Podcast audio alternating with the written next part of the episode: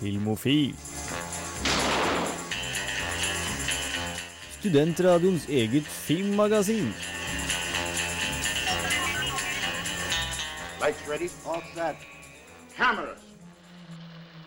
Ja, god dag, og velkommen til dagens Filmofil-sending. Eller kveldens Filmofil-sending her torsdag. eh, Et eller annet eh, september eh, 2000 og eh, Vi har uh, filmsending i dag, og det er stort sett det vi gjør på torsdager. Fordi, uh, fordi vi er glad i film, og håper at du lytter fordi du er glad i film, du også. I dag har vi uh, anmeldelse av The Maze Runner, og når vi først er på tema, skal vi snakke om Young Adult.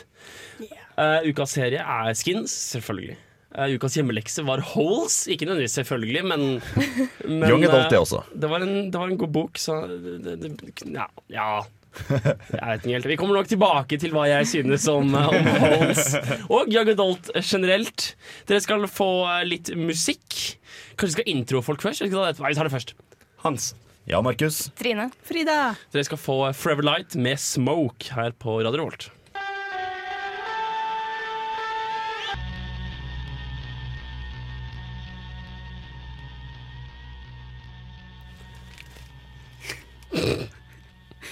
Radio. Radio, radio, radio og radio. Radio? Radio. Ja. Hmm.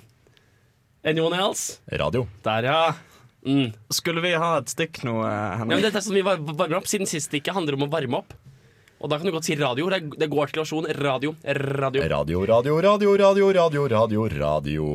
Du har så god bass Vi kunne fint, fint kunne fint en filmofil-kvartett Der vi sang utelukkende filmlåter Det er veldig fint at du sier kvartett når vi er fem stykker. Så én må stå på siden og Du har selv sagt at du ikke kan synge Ergo kvartett Hun går jo i kor! Jeg synger i kor! Hva var det du sa for fem minutter siden? Sa jeg det for fem minutter siden? Da var jeg stille og Du satt og sang mens du produserte deg, Og så kommenterte i hvert fall Jeg har sett noe siden sist, Henrik. Ja, dette var det som hadde skjedd siden sist At Frida ikke hadde- Hadde klart at jeg ikke kunne synge I hvert fall, du har sett noe siden sist Hans, Ja, fortell meg Um, for det første, jeg har binget enda mer av Archer, og det er kjempegøy. Men jeg har sett noe nytt som jeg kjøpte på Fretex for fem kroner. Hele Generation Kill.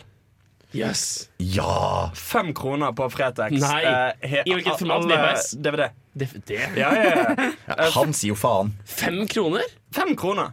Ja, men DVD kan funke. Du kan ha HD-oppskalering av DVD. DVD. Altså, DVD kan være ordentlig bra filmopplevelse, liksom.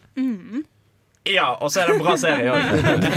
Jo, men Jan kommenterte på DVD som om jeg ikke syntes det var bra nok. Men DVD er et kult format. Uh, Ja, men Generation Kill har jeg aldri sett på. Hvorfor, er hvor, hvorfor skal man se på det? Det er en eh, det, det er en serie som følger en eh, Hva er den riktige betegnelsen? Ja, Markus Tropp?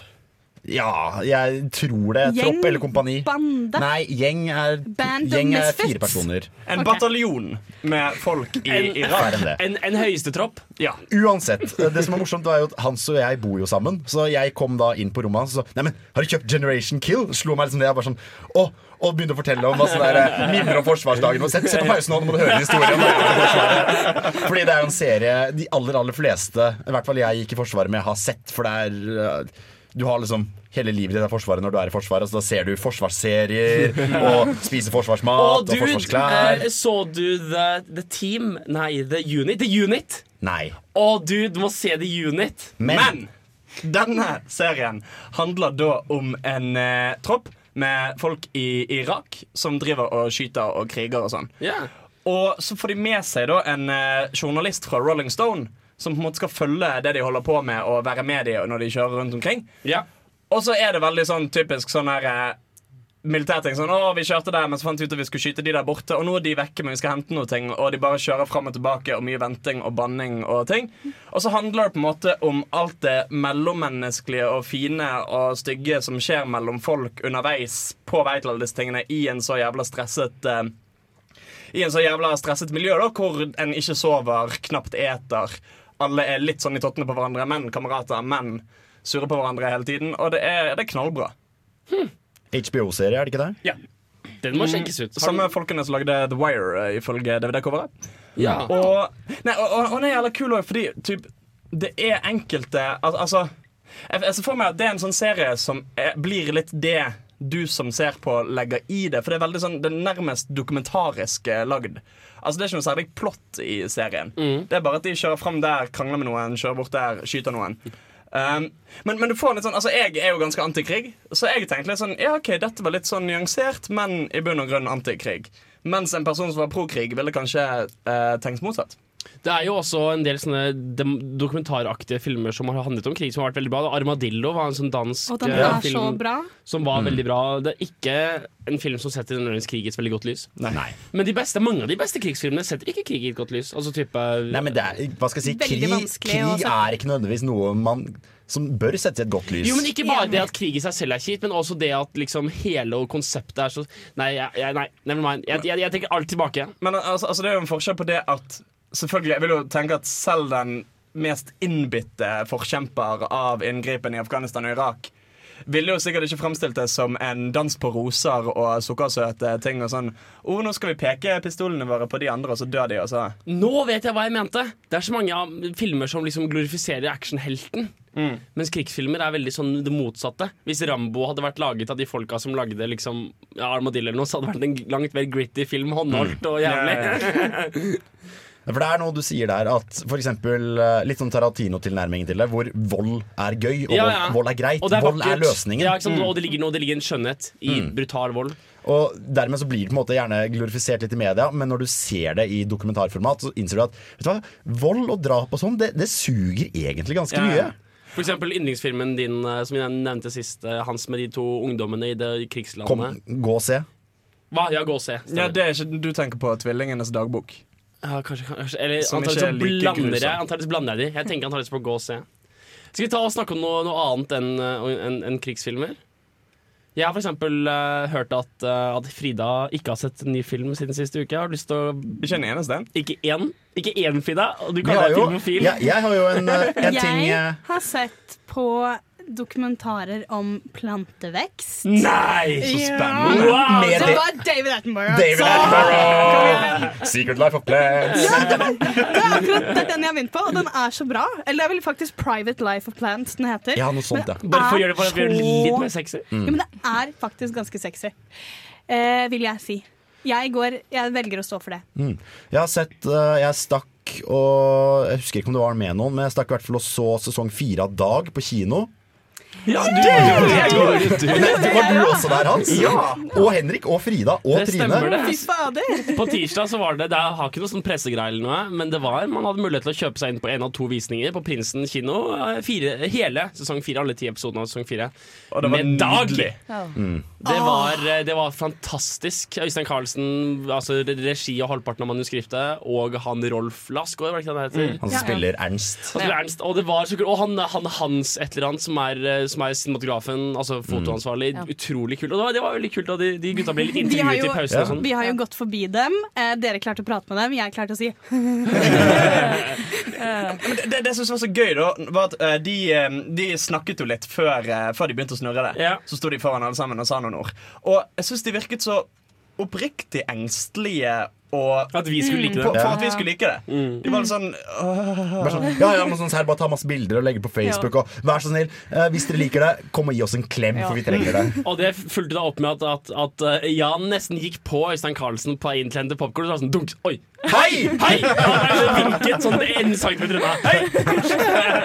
så fikk jeg latteranfall, og så foreslo han at vi skulle gå over til å overfalle han for et intervju. Og så gjorde vi det. Det var veldig, veldig koselig. Og for de som er skikkelig misunnelige på oss, som da har sett hele dag, kan vi jo nevne at premieren til Dag faktisk er i dag. 15 minutter etter Filmofil er ferdig, nemlig 22.15. Så da vet dere hva dere skal gjøre. Så det er verdt da må du seriøst inn og se Dag, og denne sesongen av Dag er altså noe av det beste. Å, det er fantastisk! Mm, den er veldig bra. Og i den grad serien ble litt mørkere og litt mindre laugh out loud fun i løpet av sesongene, så har første halvdelen av sesongen veldig mye den igjen. Det er veldig mye overraskende og veldig mye kult. Og veldig mye Og de, de har skrevet det så mye tight i denne siste sesongen fordi de har bare en sesong igjen. Så de, ja. de har gjort det så tight, og det er så gøy. Og det, og det, det, er så, det er så fin sånn balansegang med liksom at Å, nå har det vært veldig mørkt, og så slenger de inn én vits midt inn i alt det mørke. Bare for liksom Å, dette, jeg vil ikke le nå. Og det er veldig typisk sånn galgenhumor som er Dag sin forte. Ja. Mm. Hvor de tar opp ekstremt alvorlige temaer, men allikevel klarer å gjøre relatere det til liksom, din hverdag og til noe morsomt. Og jeg vil påstå, egentlig med hele mitt hjerte, at du blir et bedre menneske av å se på Dag. Ja. Ja, Du sitter, du sitter i salen og tenker Vet du hva? Nå skal jeg gå ut av denne kinosalen og gjøre det som er viktig i livet mitt, og være snill og ærlig mot de riktige menneskene. Det er så veldig trist. Ja. Jeg er veldig trist hele Ja, men du kan være litt trist og kan gjøre deg til et bra menneske, det. Men mm, jeg vil si at du kan, du kan binge alt sammen. Jeg gjorde det før jeg så sesong fire. Jeg, brukte, jeg tror jeg brukte to dager. Var ferdig på lørdag klokka fire. Nei, på søndag klokka fire om morgenen. Ja, Uh, Så jeg fikk en mye bedre opplevelse av hele sesongen, alle sesongene, egentlig. absolutt. Ja, for du så jo du så vel alt sammen på Det blir Ja. vel da under fire døgn? Ja. Fire sesonger på fire døgn? Det Jeg er tror sprekt. kanskje to døgn. Jeg har da også sett uh, Hva blir det da? Spy, Need for Speed, uh, Furious 7 De sugde alle sammen. Det er bare så mye dårlig sånn høybudsjettfilmer. Ja, men høybudsjettfilmer. 7 har jo, det Nei. så jeg jo. Den Nei. er jo Spy går jo for å være brukbar. Nope! Dere skal få Susanne Sundfør med Kamikaze.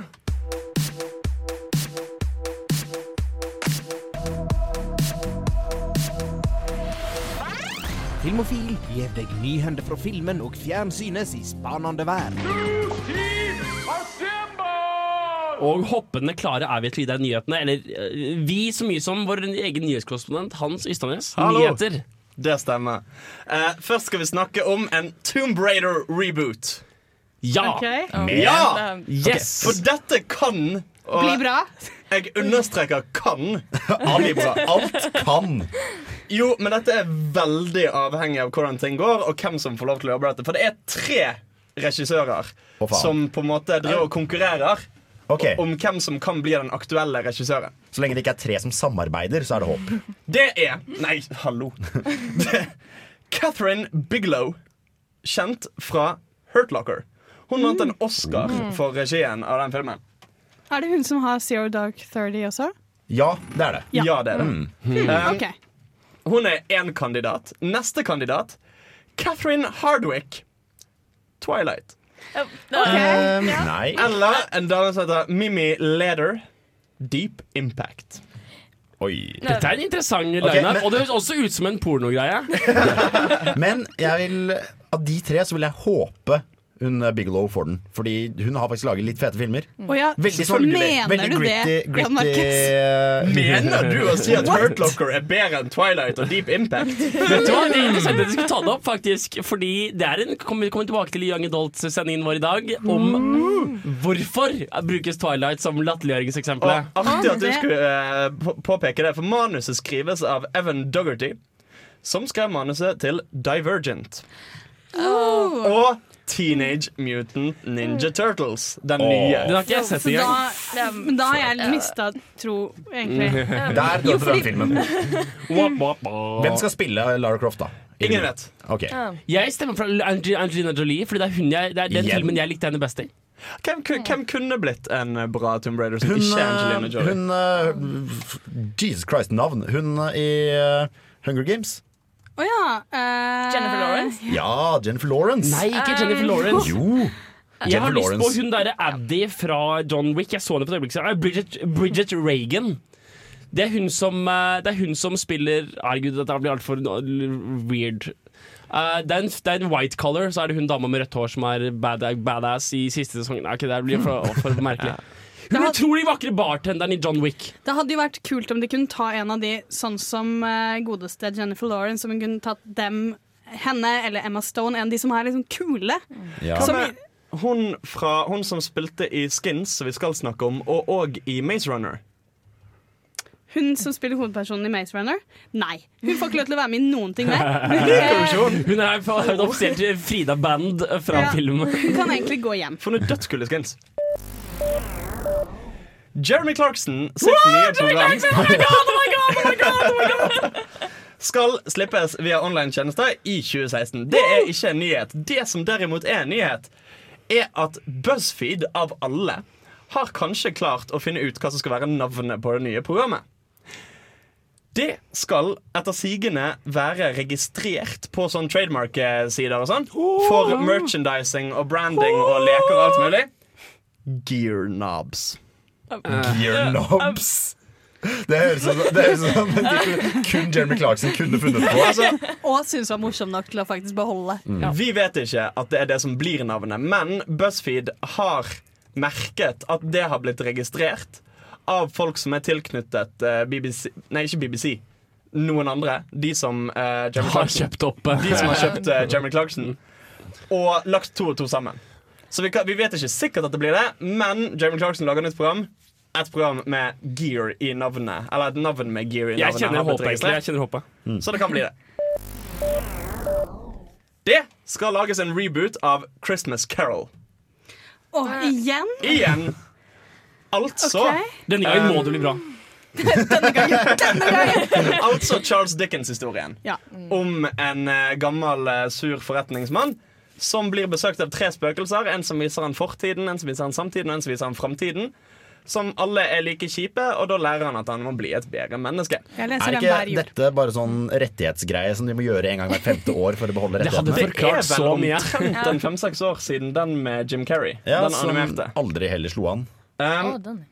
det som er litt gøy, er hvem som har blitt castet i hovedrollen som Ebenezer Scrooge. Hvem da, Hans? Jennifer Lawrence! Nei! Det var et skudd i mørket, Tina. Det, det må du innrømme. Han heter så mye som Ice Cube. Vent litt, så Han skulle spille hva for noe igjen, sa du? Ebenezer Scrooge. Ice. OK, jeg, ser, jeg skal se den. Jeg skal se den. Den må jo ses. Det, det skal være en modernisering av historien. da Hvor eh, istedenfor å være en sånn fabrikkeier, så skal han være en eiendomsmogul. Som bor i en sånn her eh, svær glassbygning, og så innser han the error of his ways. Um, men storyen skal være helt lik. Det er bare satt i en moderne setting. Um, man, manuset skal skrives av Todd R. Jones og Earl Ritchie Jones. De skrev tidligere den animerte filmen Rio.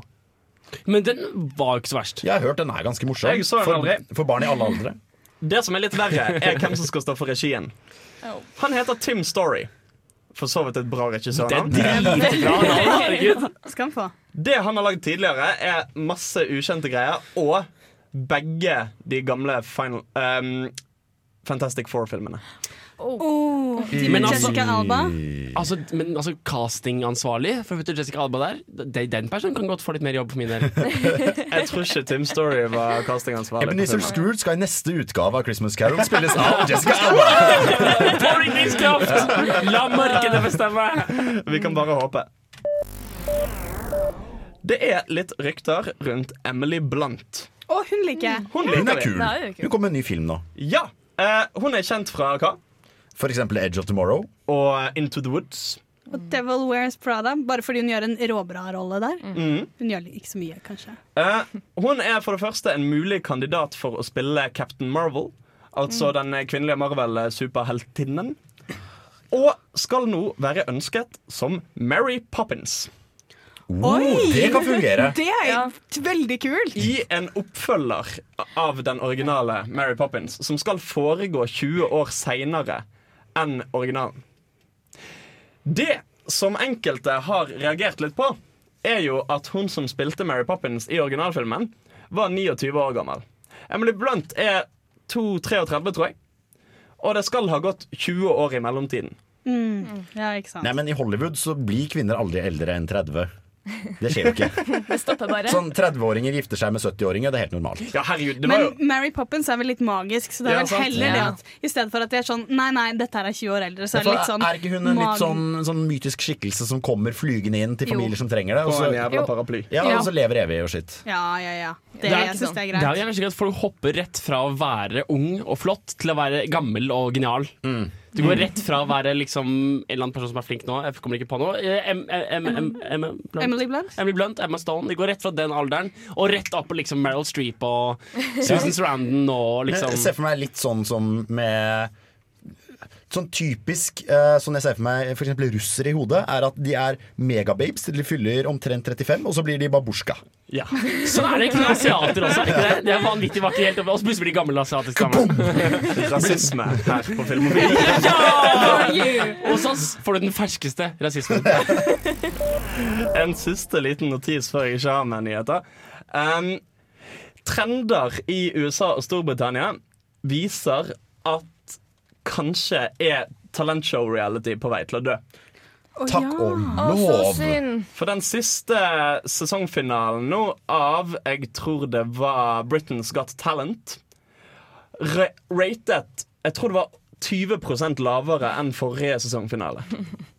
Men, men det har holdt på lenge, da. Det var, Ja, det, det var jo bare et spørsmål om tid før de klarte å olje ut resten av talentene i verden. Ja, de har holdt på i 15 år. Ja, Liksom. altså De venter en liten stund til folk rekker å bli 18, og så Men tror dere ikke at liksom YouTube har ødelagt litt? At før så var det sånn oh, gøy å se folk på TV, men nå er det sånn du kan på en måte søke Ja, Mener du. Virkelig at du ikke ser på America's Funniest Home-videos lenger?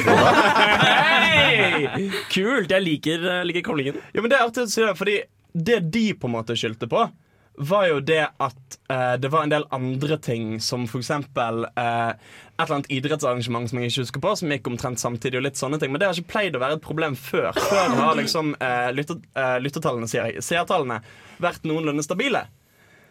Men kanskje det er rett og slett greien at før var det eneste kilden til å se vanlige folk gjøre på ting. Det kan jo være at, uh, at internett har gjort det så lett å self-publishe.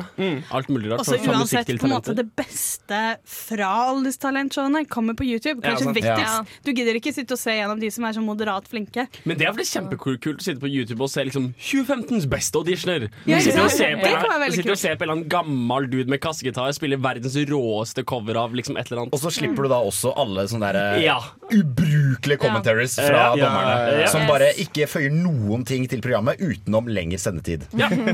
Vi skal ta og høre litt låt før dere får anmeldelsen av Frida Sveen Hempel sin anmeldelse. Nei, vent, det ble feil. Først skal dere høre anmeldelsen, og så skal dere høre vår anmeldelse av anmeldelsen av Frida sin Sveen, Sveen sin Hempels. uh, The Maze Runner, Ildprøven. Ord her på Filofil. Nå får dere Julia Holter og Sea Calls Me Home.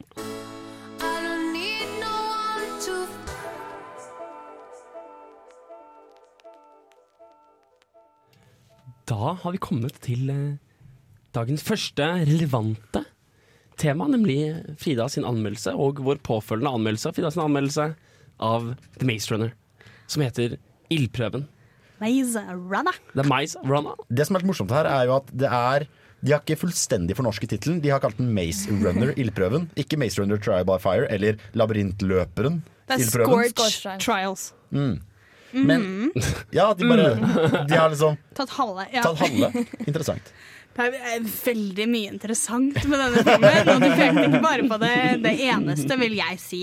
Ehm, ja, jeg vet ikke hvor mye jeg skal si før eh, det vet, Jeg tror vet du hva min mening kommer til å bli veldig åpenbar, så bare kjør på. I think it's safe to say the Maze trials were a complete success. It's too soon to say, but they could be the key to everything. It's time now to begin phase two. Vet du hva jeg virkelig synes er irriterende? Det er ikke å se en dårlig film, det er å se glimtene av en god film inni en dårlig en. Maze Runner 1 vippet så mye på denne grensen at man nesten skulle tro de gjorde det med vilje. Hver gang det begynte å bli kjedelig, tok de seg en liten pause for å studere bakteppet sitt. Og det var en kompleks gruppedynamikk med fluenes herreundertoner. Gruppen er forlatt i oppfølgeren, men viljen til å bygge en interessant verden er tatt med videre.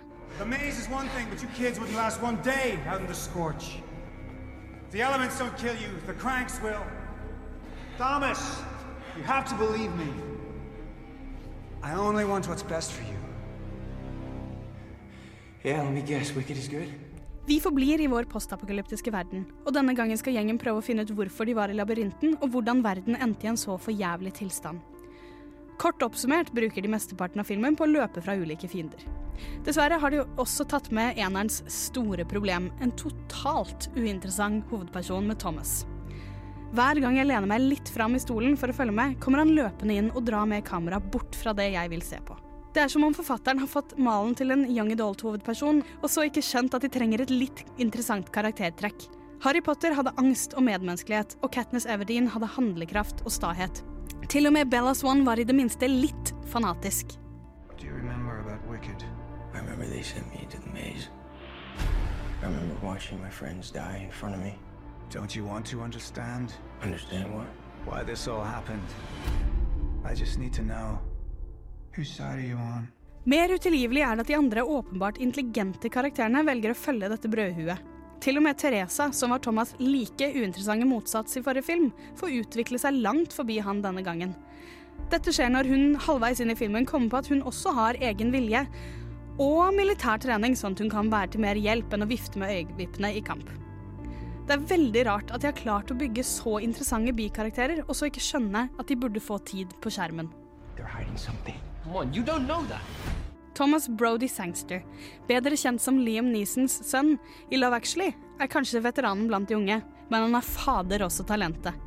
I hver eneste scene han er med i, som selvfølgelig er altfor få, klarer han å minne oss på at det ikke egentlig er et eventyr ungene er på. Uten hjelp fra manus eller plass i scenen klarer han å formidle hvor vanskelige valgene de må ta for å overleve, egentlig er.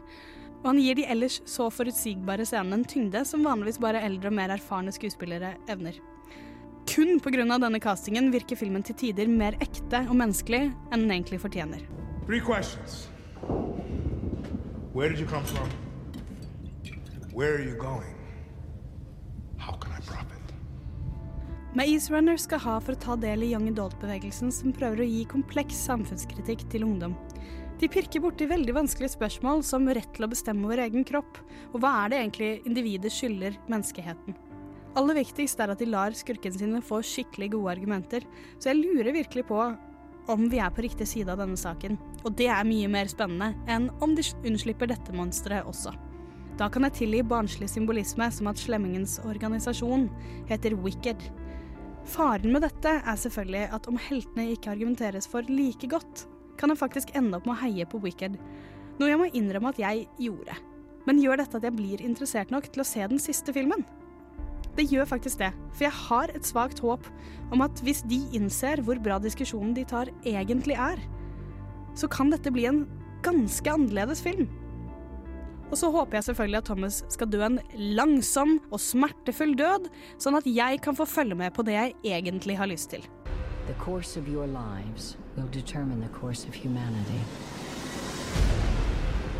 Into light or darkness.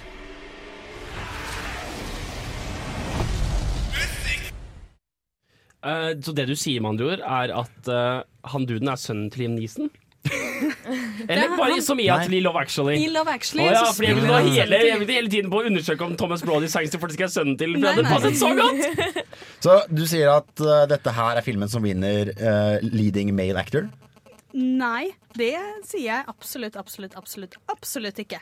Hmm. Veldig, veldig rart det der. Men altså, det var jo Det høres jo interessant Nei, det gjør det ikke. Nei, Den, jo, men den er på en måte interessant, og du har så lyst til å følge med. Og du har så lyst til å få lov til å se på det de begynner å prate om. Og jeg kan ikke helt forklare hvorfor, for da ender jeg på å spoile veldig mye. Men det er faktisk det er skikkelig bra sånn bakteppe, fordi de har et veldig vanskelig spørsmål. Så det er, faktisk, det er, hva skal jeg si et veldig interessant univers, men en veldig lite interessant person som er i dette universet. Ja. Men fordi eh, vi Frida har jo snakket om denne filmen tidligere. Mm. Og det virket jo For, for du spoilet jo en del ting til meg, og det som virket som, var jo at en ikke er helt sikker på om denne den, denne optimismen du har i forhold til hvordan de tar opp diskusjonen videre i neste film, om det er å la tvilen komme de til gode. Altså det at det, det virker nesten som at det at det finnes noe interessant her, er litt mer på tross av de som har laget filmen, enn at det er med vilje. Ja, det er det jeg er litt redd for. Fordi på den ene siden kan det være på en måte Altså hvis de er så interessante med hvilken side er den riktige side å være på, som Mm. det virker som, så gjør de noe veldig, veldig, veldig spennende. Mm. Men det er ingenting i filmen som peker mot at de har gjort det med vilje. Så man har en følelse at de bare faktisk har oversett at de må rettferdiggjøre heltene sine. Fordi de er litt sånn Ja, ja, men det er, det er disse som er mest på skjermen. Du, du følger jo dem uansett. Men kanskje fordi um, i Divergent-filmene så er det sånn at du har en skurk, og den skurken der er jo òg det at dette gjør jeg for the greater good.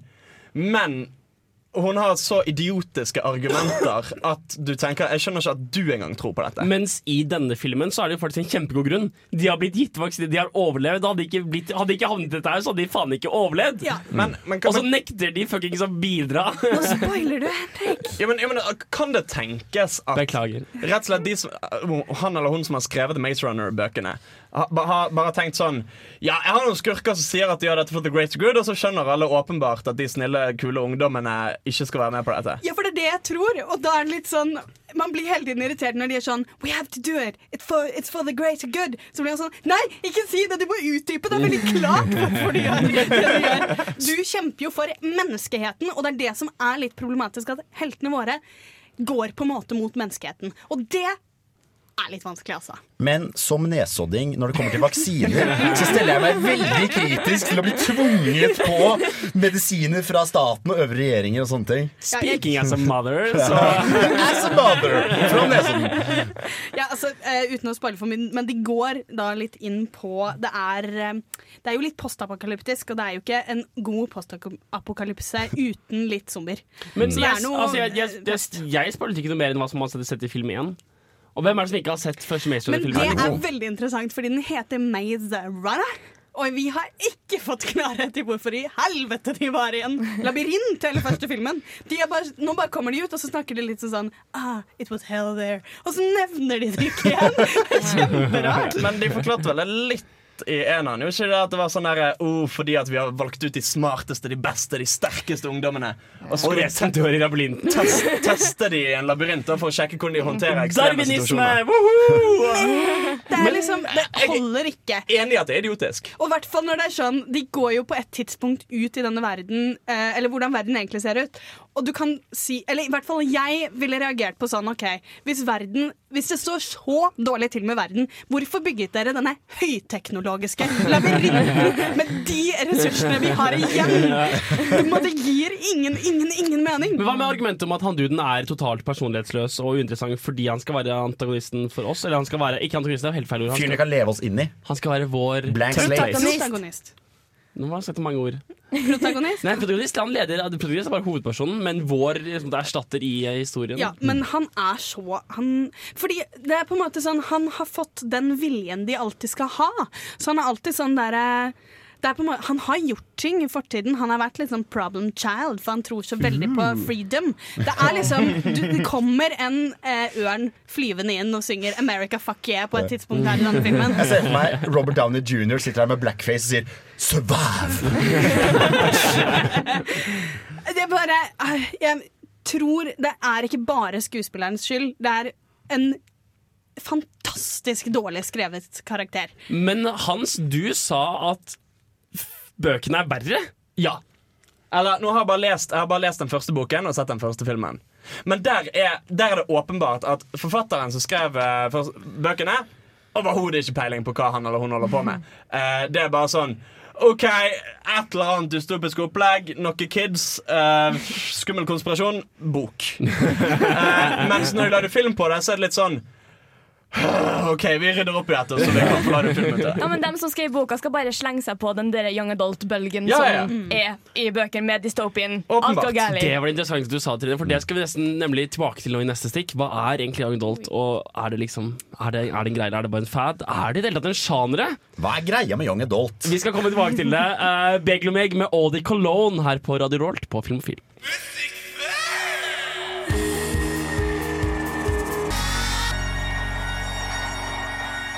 Så kom igjen, da. Der, ja. Eh, det var orgelsoloen i slutten av Audi Cologne av Beglomeg. Og det betyr at vi er kommet til det minuttet, nemlig det 51. minuttet i denne livesendingen av Filmofil, der vi skal begynne å snakke om dagens tema. Vi har forstått allerede nevnt det med uh, Maze Runner, The Scorch Trials eller uh, Labyrintløperen Ildprøven. Ildprøven. Eh, Men Henrik, ja, hva er egentlig young adult? Altså, Mange vil si at Young Adult er en genre, men det vil jeg ikke si. at det er. Young Adult er en målgruppe. Og ja. eh, det har kommet så mye høys om det de siste årene. Det har blitt en veldig stor filmindustrisjanger, som i en produksjonssjangersjanger. Ikke så mye en filmsjanger, fordi Young Adult kan være mye forskjellige sjangere. Det kan være epic fantasy, det kan være action-thriller, det kan være eh, crime, eh, eh, kriminologisk drama. Det kan være mye forskjellig, men det er definitivt noe vi kjenner igjen som Young Adult. Hvis vi skal begynne å sette litt tørre fakta på det, så vil Ja. jeg si at young adult er vel omtrent fra du bikker tosifra, rundt 10-11-12, til et sted før du fyller 18. Det interessante er at det er en dame som heter Sarah Trimmer, som i 1802 Oi. definerte young adult som noe som er ment til å vare fra du er omtrent 14 til 21.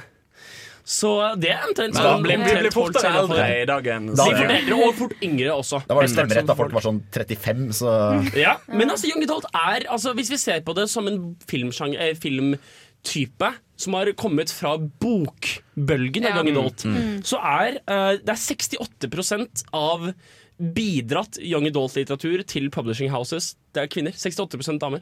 Mm. Så young adult er i forskjell til annen type eh, Til forskjell til fantasy som en ren sjanger og science fiction som en ren sjanger, der det er overtall av menn, så er young adult-bøker skrevet i hovedsak av kvinner.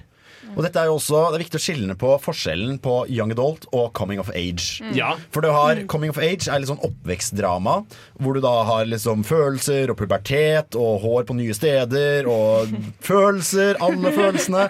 Mens young adult er litt mer sånn OK, du er angsty teen, du er 14, men magi. Men eh, der er det jo også en veldig viktig forskjell at coming of age har ingen uh, målgruppe. Det kan være en Mm. voksenbok. Det kan Mm. være Sant. Altså Parsifal er jo en coming of age-historie, mens Young Adult er på en måte Der bruker du veldig ofte de hovedpersonene i samme alder som Uh, i målgruppen er, da.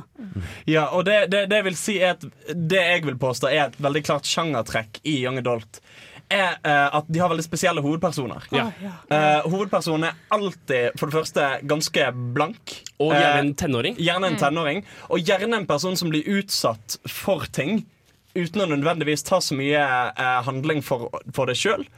Og som klarer å mestre de utfordringene de får, basert på allerede iboende egenskaper. Og det er gjerne litt sånn heltestruktur ofte. Litt sånn at de som du sier, blir utsatt, utsatt for en hindring, og jeg må gjerne vise et par sånne heltetraits. Enten at de er det, eller at de er antiheltete. Så de Mm. har ofte en posisjonering i forhold til hva som er den klassiske heltestatusen. Men det er som regel aldri Det er sjelden at det er tillærte egenskaper underveis. Det, det er sjelden noen reell vekst i Young Adult-romanen. Det er alltid sånn Harry Potter var den utvalgte fordi at han, noe skjedde med han når han var spedbarn. Mm. Interessant. Eh, Katniss Everdeen var iboende flink til å gå rundt og jakte fordi hun er snill og kan skyte med pil og bue. Eh, Ender i Enders Game var jævla smart fra han var Det er et født. så godt derfor- poeng. Det er veldig ekstern sånn locus of eller, control. typ fuckings hun der i uh, The Fault in Our Stars. Uh, som bare var en litt sånn her snarky, edgy eh, tenåring, og så får hun verdens beste kjæreste. Superkraft. Kjæreste. Ja. Superkreft. Eller, eller den klassiske Bella, som på en måte Mm. ikke har noe spesielt, men som Edward hele tiden sier 'du er så spesiell'. Og det er jo aldri definert hva med Bella er det som er så spesielt. K Kanskje på en måte en, en def definisjon her kan være at hovedpersonen er spesiell pga. noe annet enn hovedpersonen. Det som, Ja. det som definerer Bella, er at eh, Edward er glad i henne. Det som definerer uh, hun i Fault in Our Stars, er at han kreftgutten er glad i henne. Uh, det, som- det som definerer Cancer Kid. det, det som definerer uh, Katniss, er at hun blir plassert inn i dette Hunger Gamesen og blir en sånn her eh, gallionsfigur for revolusjonen i de senere bøkene. Men det er jo litt sånn uh, Man begynner jo å bli ungdom, og man vil veldig gjerne definere seg selv. Og du har da et behov for å skille deg ut, samtidig passe inn. Så du vil da, hvis du er født til å skille deg ut, men allikevel er en normal kid, Mm. så kanskje du får det beste av begge verdener. Og samtidig så er det jo da en del sånne veldig coming of age-aktige ting også, sånn som hormoner. Mm. Eh, ikke helt fullt utviklet hjerner. Eh, du har gjerne en del sånne teen problems i tillegg til disse store eh, eksistensielle betydningsskapende eksterne problemene. Jo, men det er akkurat som jeg tenker at det har mer å gjøre med identifikasjonsverdi enn en oppvekstromanverdi. Men nå falt jeg av. Hæ? Dis, dette er jo bøker som er designet for tenåringer. Ja. Og da er det klart at Hvis du gir hovedpersonen sånn Oi, så fikk jeg hår på tissen. Uh, så er det klart at Hei, jeg fikk òg nettopp hår på tissen. Uh, at Da kan du med en gang kjenne deg mer igjen i karakteren. Så jeg føler det er mer en ren sånn krok for å få uh, ungdommene hektet enn det er ha, Har noen skulle jeg si. At det er historien. At det er sto historien, ja. Men du har jo i det at hovedpersonen er så magisk spesiell, Mm. så får du jo på en måte også et veldig ekstremt uttrykk for den tenåringsfølelsen, som er eh, Du er nummer én altfor eksponert. Hvilke tenåringer er det som ikke føler at de hele tiden blir sett på, hele tiden yeah. på en måte er i en mye mer sånn sosial Mm, verden yeah. enn de var da de var barn? Og samtidig så har du den på en måte ønskedrømmen i det som alle blir redd for når de er voksne, som er du er en av mange. Fuck Mm. deg. Ingen i verden bryr seg om deg. Og med den magiske greia så kommer jo boka inn og er sånn jo jo, egentlig så er du den utvalgte. Du er spesiell. Og jeg tror i tillegg til at det er en så stor gruppe som på en måte søker etter den anerkjennelsen, så er det også på en måte Disney-konsernene og sånne ting som har sett at ok, her er det folk som nettopp har fått egne lommepenger og ikke trenger å være med mamma og pappa på kino lenger. Dette er en ny og ganske lett påvirkelig kjøpegruppe som bare kaster penger på alt vi kaster på dem.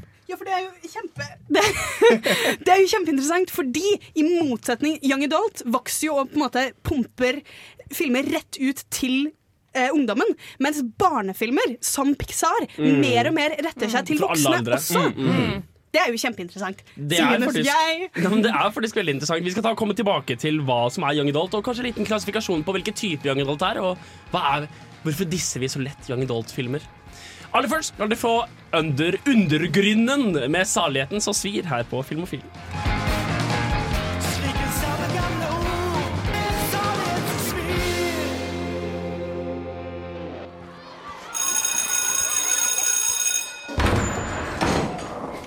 Be no foolish wand waving or silly incantations in this class. No, okay, that's it for the day then. Today, we have a similar debate over this. Anyone know what this is, class? Anyone? Anyone? Anyone seen this before? Ukens hjemmelekse. Og ukens hjemmelekse var altså filmen Holes fra 2003. Ja, stemmer. Eh, det er en bok som, eh, som jeg leste på hva, to- tok det Ungdomsskolen. Tre timer. Og leste den Jeg var på et eller annet sted på Sørlandet og bare satte meg ned, leste den, reiste den opp og gikk videre. Det var ikke en bok som for meg var noe spesielt, og på akkurat samme måte så var ikke film noe spesielt. Og på den måten var det kanskje en god adopsjon.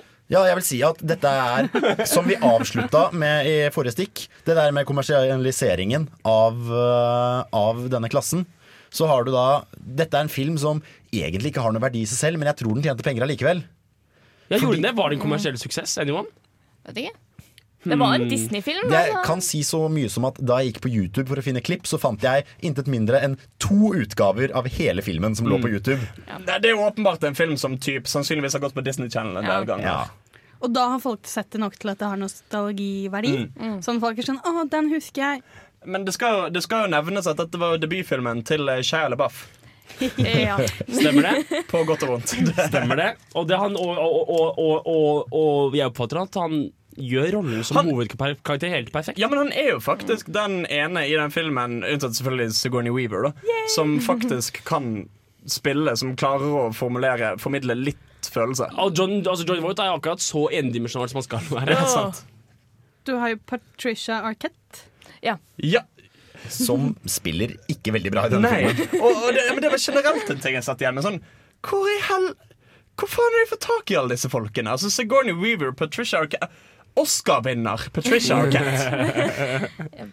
Altså, mitt, mitt, min, min greie med filmen er at det er en veldig fin filmatisering av boken. Mm. Og for de som syntes at boken var noe veldig spesielt med liksom tenåringsgutter som graver i en arbeidsleir ja. med den undertrykkende le- leirlederen, og så bare vandrer de av gårde i, i horisonten, og så overlever de, og så blir alt bra, og så ender det kjempegodt! Yeah. Det er liksom, det er, Boken og filmen er identiske. Og det er jo en ting han har til felles med særlig uh, Oi sann. Uh, særlig den mer uh, fantasyorienterte young adult-greiene. Eh, det at du har den gruppetilhørigheten. Det at du er sammen med en gruppe mennesker som er spesielle litt på samme måten som deg, som du er mest spesiell, så har de andre litt de samme, litt de samme kjennetegnene som du har. Typ Ja, Harry det er sant. Potter, at alle havner i griffing. Det er sant. Eh, type Hunger Games, at de er i Hunger Games, eller de allerede er delt inn i disse distriktene. Typ faksjonen i Divergent, og så videre, og så videre. Likte folk filmen? Yes, jeg vil si Den var veldig Disney Channel. Det var sånn, I løpet av de første ti minuttene Så får du en veldig sånn feeling av Disney Channel. Et eller annet sånn litt wacky, litt useriøst. Uh, Ja, spesielt med innslaget fra faren som var oppfinner. Og det var Ja. veldig sånn Smell my shoe! Å, herregud, det lukter så ille i denne leiligheten her! Ja. Men det, det, det er jo sånn, etter, etter å ha sett to flashbacks, så bare sånn Å ja, OK, de er det. til faren. Ja, det er ikke ok, veldig greit. vanskelig plott, er det ikke? De flashbackene ble litt gamle til slutt. Det ble Ja. veldig, Ja. veldig irriterende å se på. Men jeg likte Shia LaBeouf i filmen. Mm. Det var en, jeg fant Han en var film flink. der jeg likte Shia LaBeouf. Han var flink. Og altså Zero var også casta perfekt. oppfatter jeg. Ja. Altså, Ja, den, den, den Zero, den rollen var liksom litt stille, litt lav, men aggressiv. Altså, det funka kjempebra. Var ikke du han, Markus, som sa at han så ut som en litt etnisk Dewey fra Malcolm i midten? Ja. Og på den rasistiske noten skal vi ta og, og kjøre videre. Og det var litt av en høy introlåt fordi jeg tok ned feil mikrofon. Teknikken i den sendinga her, altså, fy faen, hva er det som gjør disse greiene her? Faen, fyren må sparkes. Bedre. Dere får Sigourney, eh, John Grant med Sigourney Weaver. Veldig på tema. I woke up today.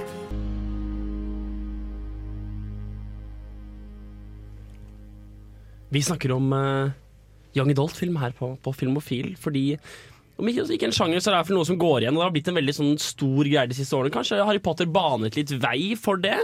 Harry Potter med fler banet litt vei for Young Adult som en uh, stor Hvorfor dere, dere vifter med hendene? Hva er det? Fordi jeg, Tar vil- jeg jeg feil? si, nei, nei, nei, jeg vil si at jeg er helt enig med Harry Potter, men også Hunger Games og ikke minst Twilight. Kan jeg skyte inn en tidligere enn både Harry Potter og Twilight og Hunger Games? Lord Rings? Enders Game. Ble det, den ble ikke filmatisert før eh, Harry Potter? Den ble ikke filmatisert før i 2008, men boken kom ut på. Lenge siden. Um, jeg lurer på om det er sånn 70-80. Der omkring. Ja. Um, som da handler om unge Ender. 1985. 85. Som eh, blir da valgt ut til noe sånn treningsopplegg for jævla smarte unger for å kunne lede menneskeheten i krig mot eh, romvesenet. Jeg er veldig enig at ut ifra hvordan vi har definert Young Adult i dag, så er Enders Game veldig on point, men Young Adult-bøker har holdt på siden 1800-tallet, som vi nevnte. Mm. Så spørsmålet er med filmene, ikke sant? filmatisering, og hvorfor Mm. det har blitt en så Vi, vi snakket om ungdommer som en kjøpegruppe, altså teens som en kjøpegruppe, og derfor så har det blitt en veldig sånn greie som folk bruker penger på å kaste penger inn på. Og vi har en veldig fått en bølge med Young Adult-tilpasset uh, filmatiseringer. Hva med Star Wars? Jo. Og? jo. Ja, Star Wars var ikke rettet mot tenåringer nødvendigvis. Men det var da tenåringer som likte det, og det er jo Alle lever jo- aldri likte tror jeg. Det er bare at de, de, de, Nei. de er døde. Nei, det de tror jeg faktisk ikke. Faktisk ikke. De som eh, altså, altså Grunnen til at jeg tenker det er jo at de som var tenåringer på 70-tallet, er jo voksne mennesker nå og liker det fortsatt fordi de likte det når de var 13. Og det er jo den generasjonen som har på en måte tatt med seg nostalgi, som aldri har kommet seg over hva de likte da de var barn. Så på en måte, nå virker det som en film som passer for voksne òg, men hvis man tenker litt tilbake, så har vi har jo ikke en like tydelig definert voksenunderholdning som man Mm. hadde Mm. før. Mm. For vi har sånn Yeah, Pixar, pass for alle. Uh, så vi har ikke samme på en måte voksenfilm-prestisjegreia. Der er det kommer det inn egentlig på noe interessant nå, for det er for at Young Adult som en, en måte, sliter litt med dette prestisjegreia. At det ikke er like seriøse filmer, det er ikke like gode filmer. De har ikke like samme prestisjen. Altså, du venter ikke at, at den siste Daniel Day-Lewis-filmen skal kunne sammenlignes med den siste Maze Runner-filmen. Det er en prestisjeforskjell, og det er jo interessant. Men popularitetsmessig, gi meg en som slår Harry Potter. Altså, alle våre virkelig Ja, populære nei, ja, definitivt, men jeg snakker om hvorfor latterliggjør vi Twilight i nesten hver episode. Hva er greia, bortsett fra at det er en dårlig film? Hva er greia med at showene er så lett å latterliggjøre? Altså, jeg vil jo påstå at um, Twilight var det første liksom veldig store eksempelet på et mislikt, eller i hermetegn dårlig young adult. Fordi altså, typ sånn Verken Harry Potter eller Hunger Games eller Enders Game eller noen av de bøkene fant opp hjulet på nytt. Det er ikke banebrytende litteratur, men det er bra. Altså, altså Det går an å kose seg med. Eh, det er vanskelig å finne store feil ved det. Mens Twilight har jævla mange problemer, og blir, er jo òg en slags Hva, hva skal jeg si um, det? Gentri appro appropriering av eh, noe som står veldig mange nært. Men vil, du- vil du da si at young adult-filmer er er ofte dårligere? Er det der er det der det har De har blitt det. Nei, men jeg tror veldig viktig for at en bok skal bli så mye lest som Twilight er, er at du, den må være enklere. Og det er ikke slemt, men da, få, da treffer du folk som ikke leser mye bøker. Mm. Og så har du også dette med at når du lager en young adult-film, så vil du gjerne gjerne lage folk som dør, og krig og sånne ting. Men du kan ikke pga. restrictions og aldersbegrensninger lage en film som er like, like grov og like voldelig. Så folk, Ja, som, ser, folk som ser det, tenker liksom at ah, men jeg har sett 'Saving Private Ryan'. Det her er ikke dritt. Du vet ikke hva du snakker om. Så det er mangelen på ektehet som gjør at young adult blir latterlig de, de, tar av, de tar av spissen for at det skal nå et større publikum. Og så er det jo ikke Det er jo ikke til å stikke under en stol at Harry Potter, Enders Game og mange av disse er stort sett myntet på gutter. Ja. Twilight var den første som var jenteunderholdning. Skulle til å si det. Så det er, du mener at det er en kjønnsgreie at, at kvinnefilmer blir latterliggjort fordi det er kvinnefilmer? Ja. ja. Ja. ja. Oi, absolutt. Ja. Altså, se, se på hvor mange som for sliter med å innrømme at Mean Girls er en knallfilm. Er det folk som sliter med det? Ja. ja. Jeg Som tenker at det er enda en chick flick-drittgreie. altså ba, bare konnotasjonene som ligger i ordet chick flick.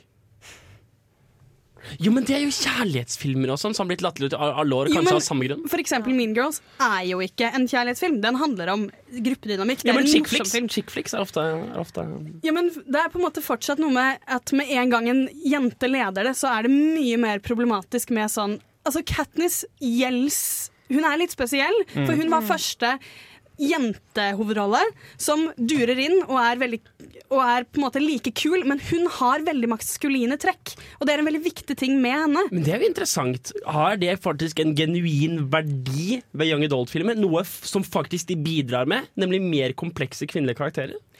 Jeg tror vel egentlig man kan si at Jeg, jeg syns jo at Katniss er en veldig interessant karakter. Ikke, for hun, hun gjør ikke så mye selv. Det må man jo være enig om. Ja. At Hun er veldig plassert der, og så på en måte overlever hun. Men til å være en krigsprotagonist syns jeg det er veldig interessant. Fordi For eksempel barna i Narnia. da De kommer inn, og så skal de lede en hær. De er barn. De er jo absolutt ikke kvalifisert.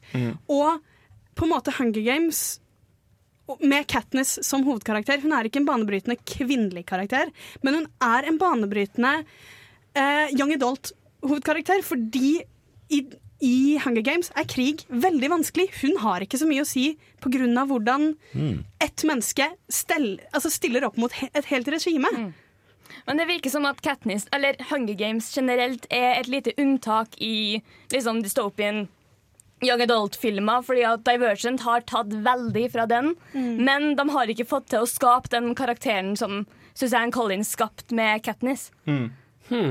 Så det, det, det virker som at de ikke har fått noe helt igjennom med resten av de filmene som kom etterpå. Og, altså, jeg vil jo si at hun eh, som jeg ikke husker Triss, er det hun heter? Hun i Ja. eh, Divergent. Jeg vil si hun er en i hermetegn sterkere karakter enn Katniss i den grad at hun Det som skjer i eh, Divergent, er i stor grad et resultat av hennes handlinger. Det er ingenting i Hunger Games som er et resultat av eh, Katniss sine handlinger. Nei. Ting skjer med hun. Hun får ikke ting til å skje. Hva heter den der, den der tingen som ranker film på om det er kvinnelige karakterer som snakker med hverandre om noe annet enn menn? Bechdel-test. Bechdel-testen er vil, Tror vi at Young Adult-filmer oftere består Bechdel-testen? Ja, enn- det tror jeg absolutt. Saksopplysning for de som lurer, så er Bechdel-testen da altså en test man består hvis to kvinner snakker sammen i filmen og ikke snakker om en mann. Og de må ha navn. Ja. Og eh, eh, morsom opplysning. Veldig få Oscar-filmer for eksempel, består denne testen. Vi kommer nok, hvis jeg får lov til å velge, til å ha en sending om dette her. Så vi kommer tilbake til det hvis du lurer på mer. Vi skal ta og høre en liten låt. Jeg tror muligens at eh, Disclosure er i ferd med å komme ut med et nytt eh, album nå any day now. Um, det, Altså full disclosure her. Å nei! Å, herregud. Oh, Gud. Nei. Nei. meg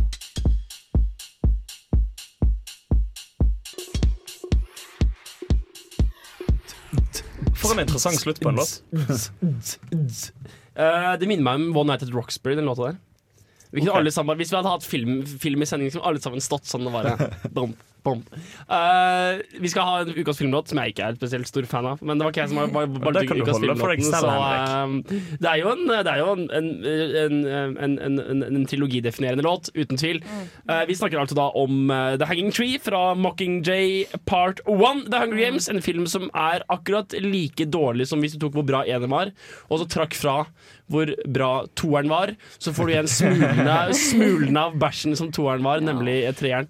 Eh, jeg likte ikke denne filmen. Jeg har verken sett eller lest noen Nei, av disse bøkene. du trenger ikke. Men uh, tur, dere som har sett og lest, vil dere, si, vil dere si at treeren blir dårligere fordi de innser at oi, her har vi penger vi kan tjene og vi må spille på det og lage filmen fort? Eller er det fordi bøkene også blir dårligere? Jeg, jeg likte jo faktisk eh, den tredje boken best. Du tar, ok, du tar feil. Eh, og rett og slett fordi, sånn som jeg sa i forrige stikk, så sa jeg at jeg syns at Katniss er en karakter hvor de har tenkt hva skjer med et menneske i krig. Og den tredje boken er veldig usammenhengende, det er jeg enig i. Men den er usammenhengende fordi nå henger ikke Katniss sammen lenger. Og det er på en måte den linsen man ser hele krigen gjennom siste delen, at hun så vidt står. She been fucked up. Yeah. og, og, og, og, Mockingjay Part 1 sliter også, oppfatter jeg veldig som du sier, Jan, av at det blir delt opp i to. Fordi altså, det er, den filmen er, har så få naturlig Den, har, den er så, har så unaturlig story arc at de må legge inn sånn unødvendige spenningsmomenter for å få litt action. Det er en scene hvor hun skal løpe ned i grottene i nød i bombekjelleren. Og så sånn fuckings unødvendig sånn løpescene med Å, herregud. Å, det er så dårlig laget film! Ja, men det forstår jeg et poeng for altså, Jeg har ikke sett uh, den siste Hunger Games-filmen. Men jeg har lest alle bøkene, og det jeg på en måte husker er at når jeg leste den siste boken, så tenkte jeg hele tiden Å, faen, nå skjer det nye ting. Å, enda en ting. Oi, her var det mye som foregikk. Uh, men når jeg tenker på boken i ettertid, så husker jeg veldig lite. Jeg bare tenker. Det var noe krig, og så døde noen, og så skjedde Ja, OK. Men den første boka er jo på en måte bare spennende. Den, eller filmen Mm. er jo bare liksom off point. Det er bare 'se her, vi løper rundt i ny. Her skal vi overleve'. Action! Mens toeren og treeren handler mye mer om politikken og om Mm. det spillet hun plutselig må delta i og ikke har noen mulighet til å skjønne. Og jeg syns ikke at historiefortellingen er bra nok til å bære en ren politisk film, mens Mm. den fungerer bra nok til å være backdroppet til en bra actionfilm, sånn som eneren. For jeg likte eneren. Ja, men jeg er helt enig i det. Og jeg, jeg syns det er på en måte Det er litt sånn der eh, Trollet sprekker når det kommer fram i lyset. Eh, med en gang det skal bli for eksplisitt, sånn fungerer dette, sånn er systemet, så var det ikke så rikt som det virket. Så i hvert fall om du har lest boken, bøkene, om du har eh, sett film, filmene uh, Anyways, du får prøve å, prøve å kose deg med 3 minutter og 35 sekunder av uh, Hanging Tree fra filmen Mockingjay Part 1 Hunger, The Hunger Games. Are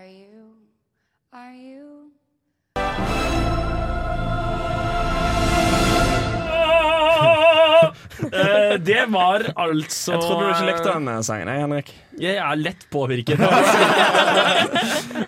nei, det var altså uh, fra filmen Mockingjay Part 1, eh, The Hunger Games, som Frida står og, og flakser bokstavelig talt til. Jan, hva skal, vi snakke, hva skal vi snakke om? Nå skal vi snakke om forbudte og veldig vanlige temaer i Young Adult. Sånn som homofili? Homofili begynner vel å bli stadig mer greit, vil jeg si. Yay! Eh, Frida. Det er jo ikke egentlig det ennå. Altså, Du begynner å få det litt inn i voksen... Eller mm. du har Hvis en homofil karakter fins, så kommer den ut av skapet. Det er Du har aldri en homofil karakter som er ferdig. Det, som det er alltid måte- grunnlaget for drama. Ja. Ja, så Katniss kunne ikke vært lesbisk, og så bare Ja, ok, hun er lesbisk, eh, men forresten, nå er det krig. Ja, nei, ikke i det hele tatt. Da må du ta sånn pause. Vi må komme litt ut av skapet. altså, du, måte, I voksenfilm Mm. så begynner du nå å få den derre Noen karakterer er skeive fordi noen mennesker er skeive. Men i Young Adult så er det fortsatt for mye en greie. Men jeg nevnte det også litt tidligere med forbudte temaer. For eksempel, du må forholde deg litt til begrensningene. At du appellerer til et ungt publikum. Du kan ikke liksom skyte noen med hagle close point blank og så bare se hodet deres eksplodere bakover veggen. Mm. Eller Harry Potter sitte og skyte heroin på et mørkt hotellrom. Det funker ikke. Nå skal det sies at det er noen ganske drøye beskrivelser i Hunger Games-bøkene. Ja, ja, Ja. men du Men får du må ta det ut Ja. til filmen. Det er det som er Mm. veldig irriterende. For vi, jeg, har, jeg har likt det mye bedre hvis alt det som faktisk var med i bøkene, eller det meste av det groteske og det litt sånn Mm. annerledes Men da har det blitt rated R med en gang. Ja, Ikke sant? Så klart. Penger. Det veldig interessante, som jeg bare må si, Maze Runner 2, sa de shit så mye. Å ja, Og shit. Ja, men shit Hva? har blitt lov! Er det blitt lov? Nei! Shit har blitt lov!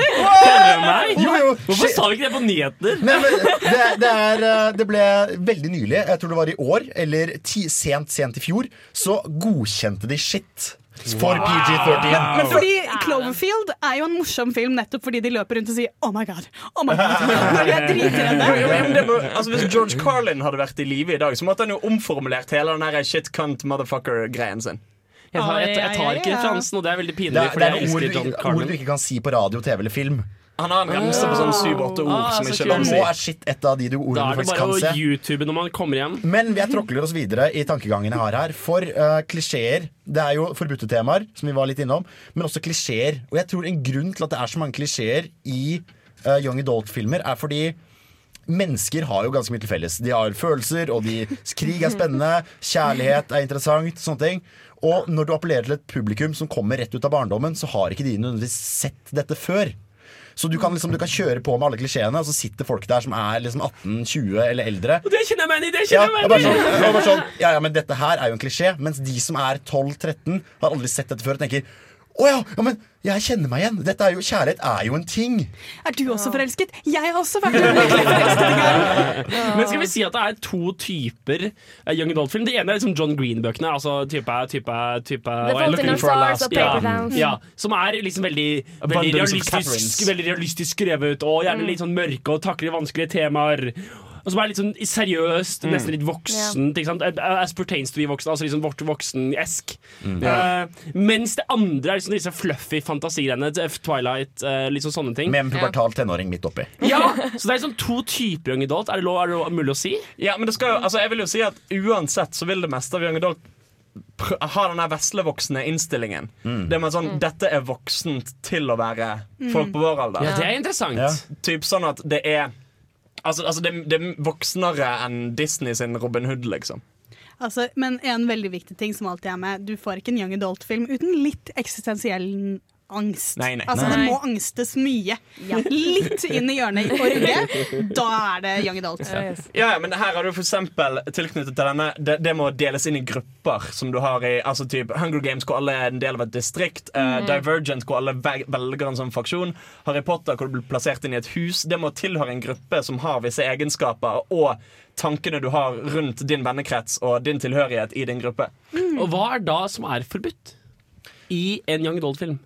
Jeg vil si temaer som er for voksne. Temaer som er hva skal jeg si som en Skilsmisse. Ja, Nei, skilsmisse har du, men ordentlig seksualitet. ja ordentlig seksualitet. Voldtekt. Hva er ordentlig ja, seksualitet? Ja, det, det begynner å dukke opp. Det, be, det begynner jo å bli veldig sånn øh, Vi må gjøre noe karakterutvikling for alle Ja. karakterene våre. Hun, hun, må gjennom, hun må gjennom Ja. noe tungt. Uh, rape. Ja. Eller uh, graviditet. Sånn for tidlig graviditet. Er, Twilight. Er, er, er Juno en young adult-film? Ja. Det er vel det? Det syns jeg. Ja. Men der har du også litt den Den appellerer til et ungt publikum, men den tror jeg alle kan se og kjenne seg igjen i. Mm. Du Men kan det kjenne er deg igjen ikke i en coming of foreldrene. age-film? Det er vanskelig. Det er Det er, vanskelig. jeg tror det begynner å bli glidende overganger her. Ja, vel, Skikkelig gode Venn-diagram. Ordentlig, ordentlig seriøs, voksen, komplisert Som gråsone-seksualitet er Dag, ikke for eksempel. Dag er ikke young adult, fordi det er, det er skilsmisse, og det er Det er, kids. det, er- det er veldig fokus på desillusjonering og galgenhumor, og det ser du Mm. kanskje ikke så mye av i Young Adult. Ja, kanskje det er det. Den derre Altså, de er ikke kyniske ennå. Mm. Interessant! De er ikke kyniske. Eller, eller de er kanskje sånn barnslig kyniske. Ja, Sånn ah, verden suger litt. Sånn som alle. Og da kan sånn- man sitte sånn Å ja, så Ja, fordi du har ofte noe Den karakter som er sånn wannabe-nihilist. Ingenting betyr noe. Ah, fuck deg, jeg People are such phonies. Ja, ja. Nå beveger inn på oppveksten. Vi har faktisk en låt til her. Det er, eh, det er Graveyard som har laget en låt som heter The Apple and the Tree. Eh, Jeg vet ikke hva den handler om. Det kommer vi nok frem til. Oi, gitar og greier. Graveyard. Å ja, forresten, dere må like oss på, på Facebook. Det var sikkert det du mente, ikke sant? Det var det jeg mente. Filmofil!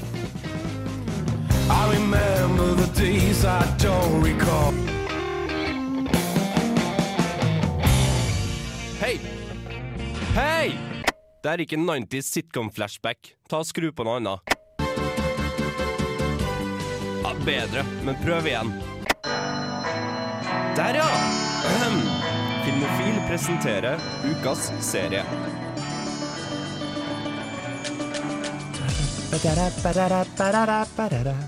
Hans, jeg har Ja. ikke hørt den uh, låta her før. Hva er dette for noe? Dette er introlåten til Skins. Og hvis du ikke har hørt den introlåta før, så har du gått glipp av noe. Fordi Skins er så bra! Skins er fantastisk. Eh, Det er en eh, britisk eh, serie som handler om en gruppe med tenåringer som går vel på high school. Eller det som går for å være high school i Storbritannia. college, college eller A-levels i England.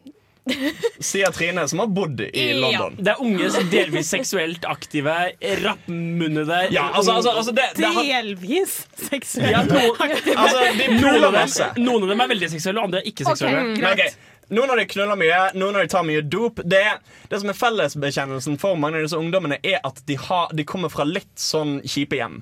Eller i hvert fall eh, de sliter litt med forholdet til foreldrene sine, og sånn så istedenfor så har de hverandre. Og så er det litt sånn, Hvis du ser for deg den Guy Ritchie-type London eller den Guy Mm. Ritchie-type England, hvor det er mye ikke nødvendigvis høyt utdannede, hvor det er mye gjengkultur, mye liksom grått, gritty og jævlig, og så lager du en litt sånn kjapp, kanskje litt sånn morsomt skrevet, men ikke humorsmøtt fokus. Mm. fokus, ungdomsserie i den verden, da har du på en måte skins. Og, og det som, altså, altså første, første og andre sesong er ganske vittig. Altså, det, Ja. det, det er en komiserie. Ja. Det forsvinner mer og mer ut i sesongene, for det er litt sånn antologipreg på det. Ja.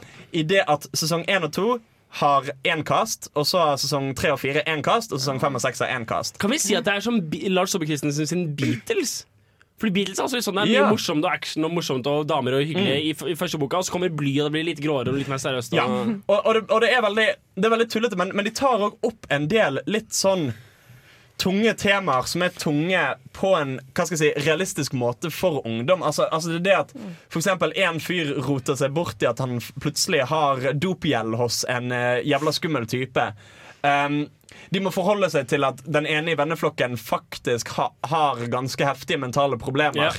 Eh, noe som kommer ganske mye sterkere i de senere sesongene. da Eh, det at eh, Nå skal jeg ikke spoile for mye, men i sesongavslutningen i én så er det én person som blir noe forandret rent personlighetsmessig som et resultat av en ulykke.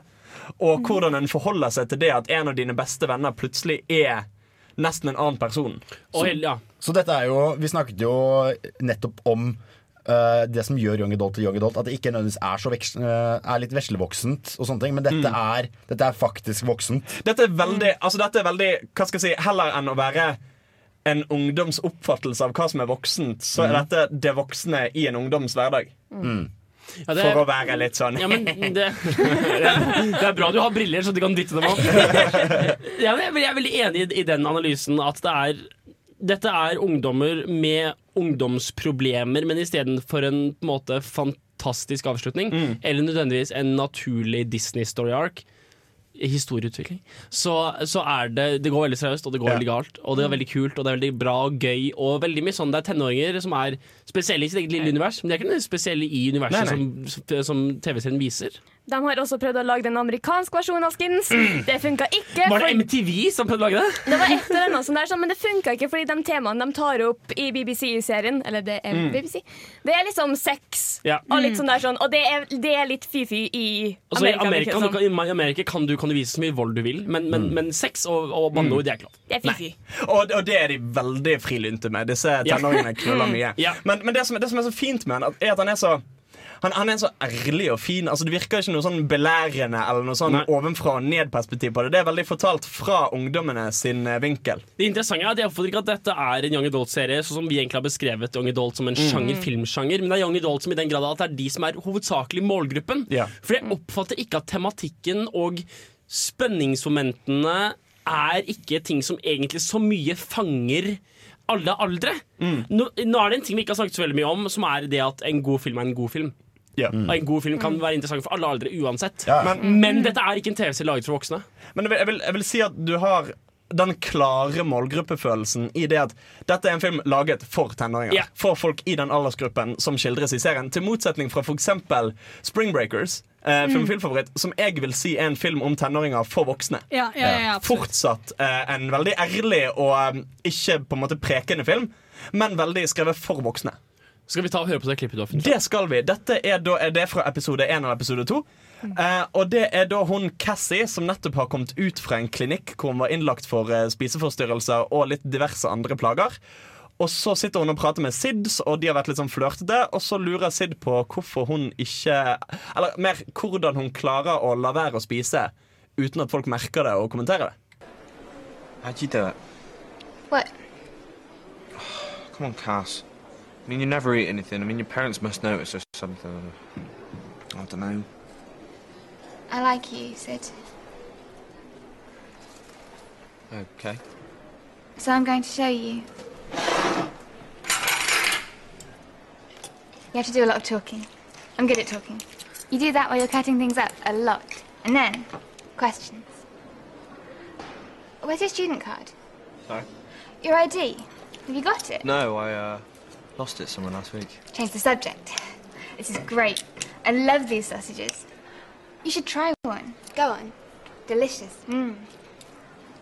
Hang on, you didn't. You're not quite sure what I'm on about, but I keep distracting you. So then I up the ante. Yum. I love this stuff. Really delicious. You're really sure that I want some more? I'll keep waving at you until you stop looking at me. Where'd you lose it? Sorry? Your ID. I mean, they won't use the library, will they? God, I've got to go. I'm so full. Got a dash.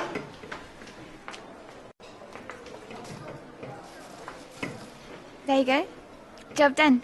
It's impressive. Cheers. But aren't you kind of, you know, lying to everyone? I'm so better. I got discharged from the clinic. Seems a bit fucked up. What? I said, just seems a bit fucked up, that's all. Oh, wow.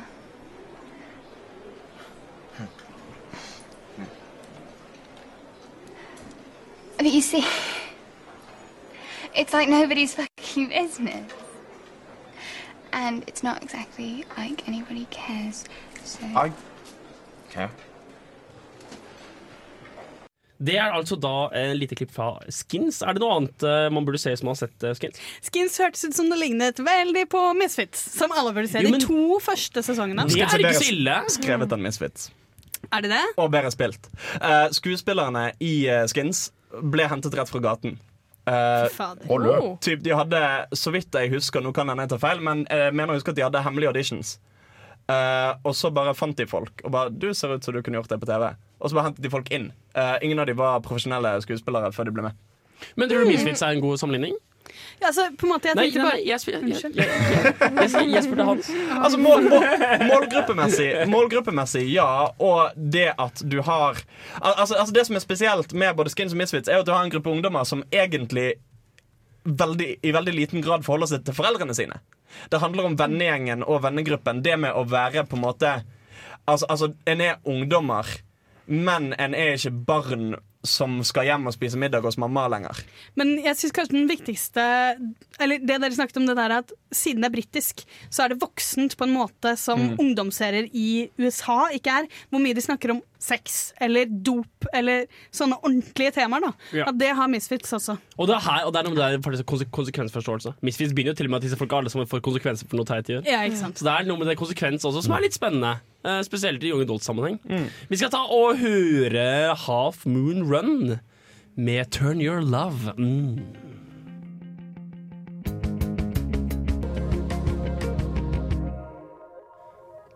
Det var faktisk dagens eh, tema, young adult-film. Jeg vet ikke om vi klarte å oppsummere noe særlig. To Altså- typer, to young adult-film.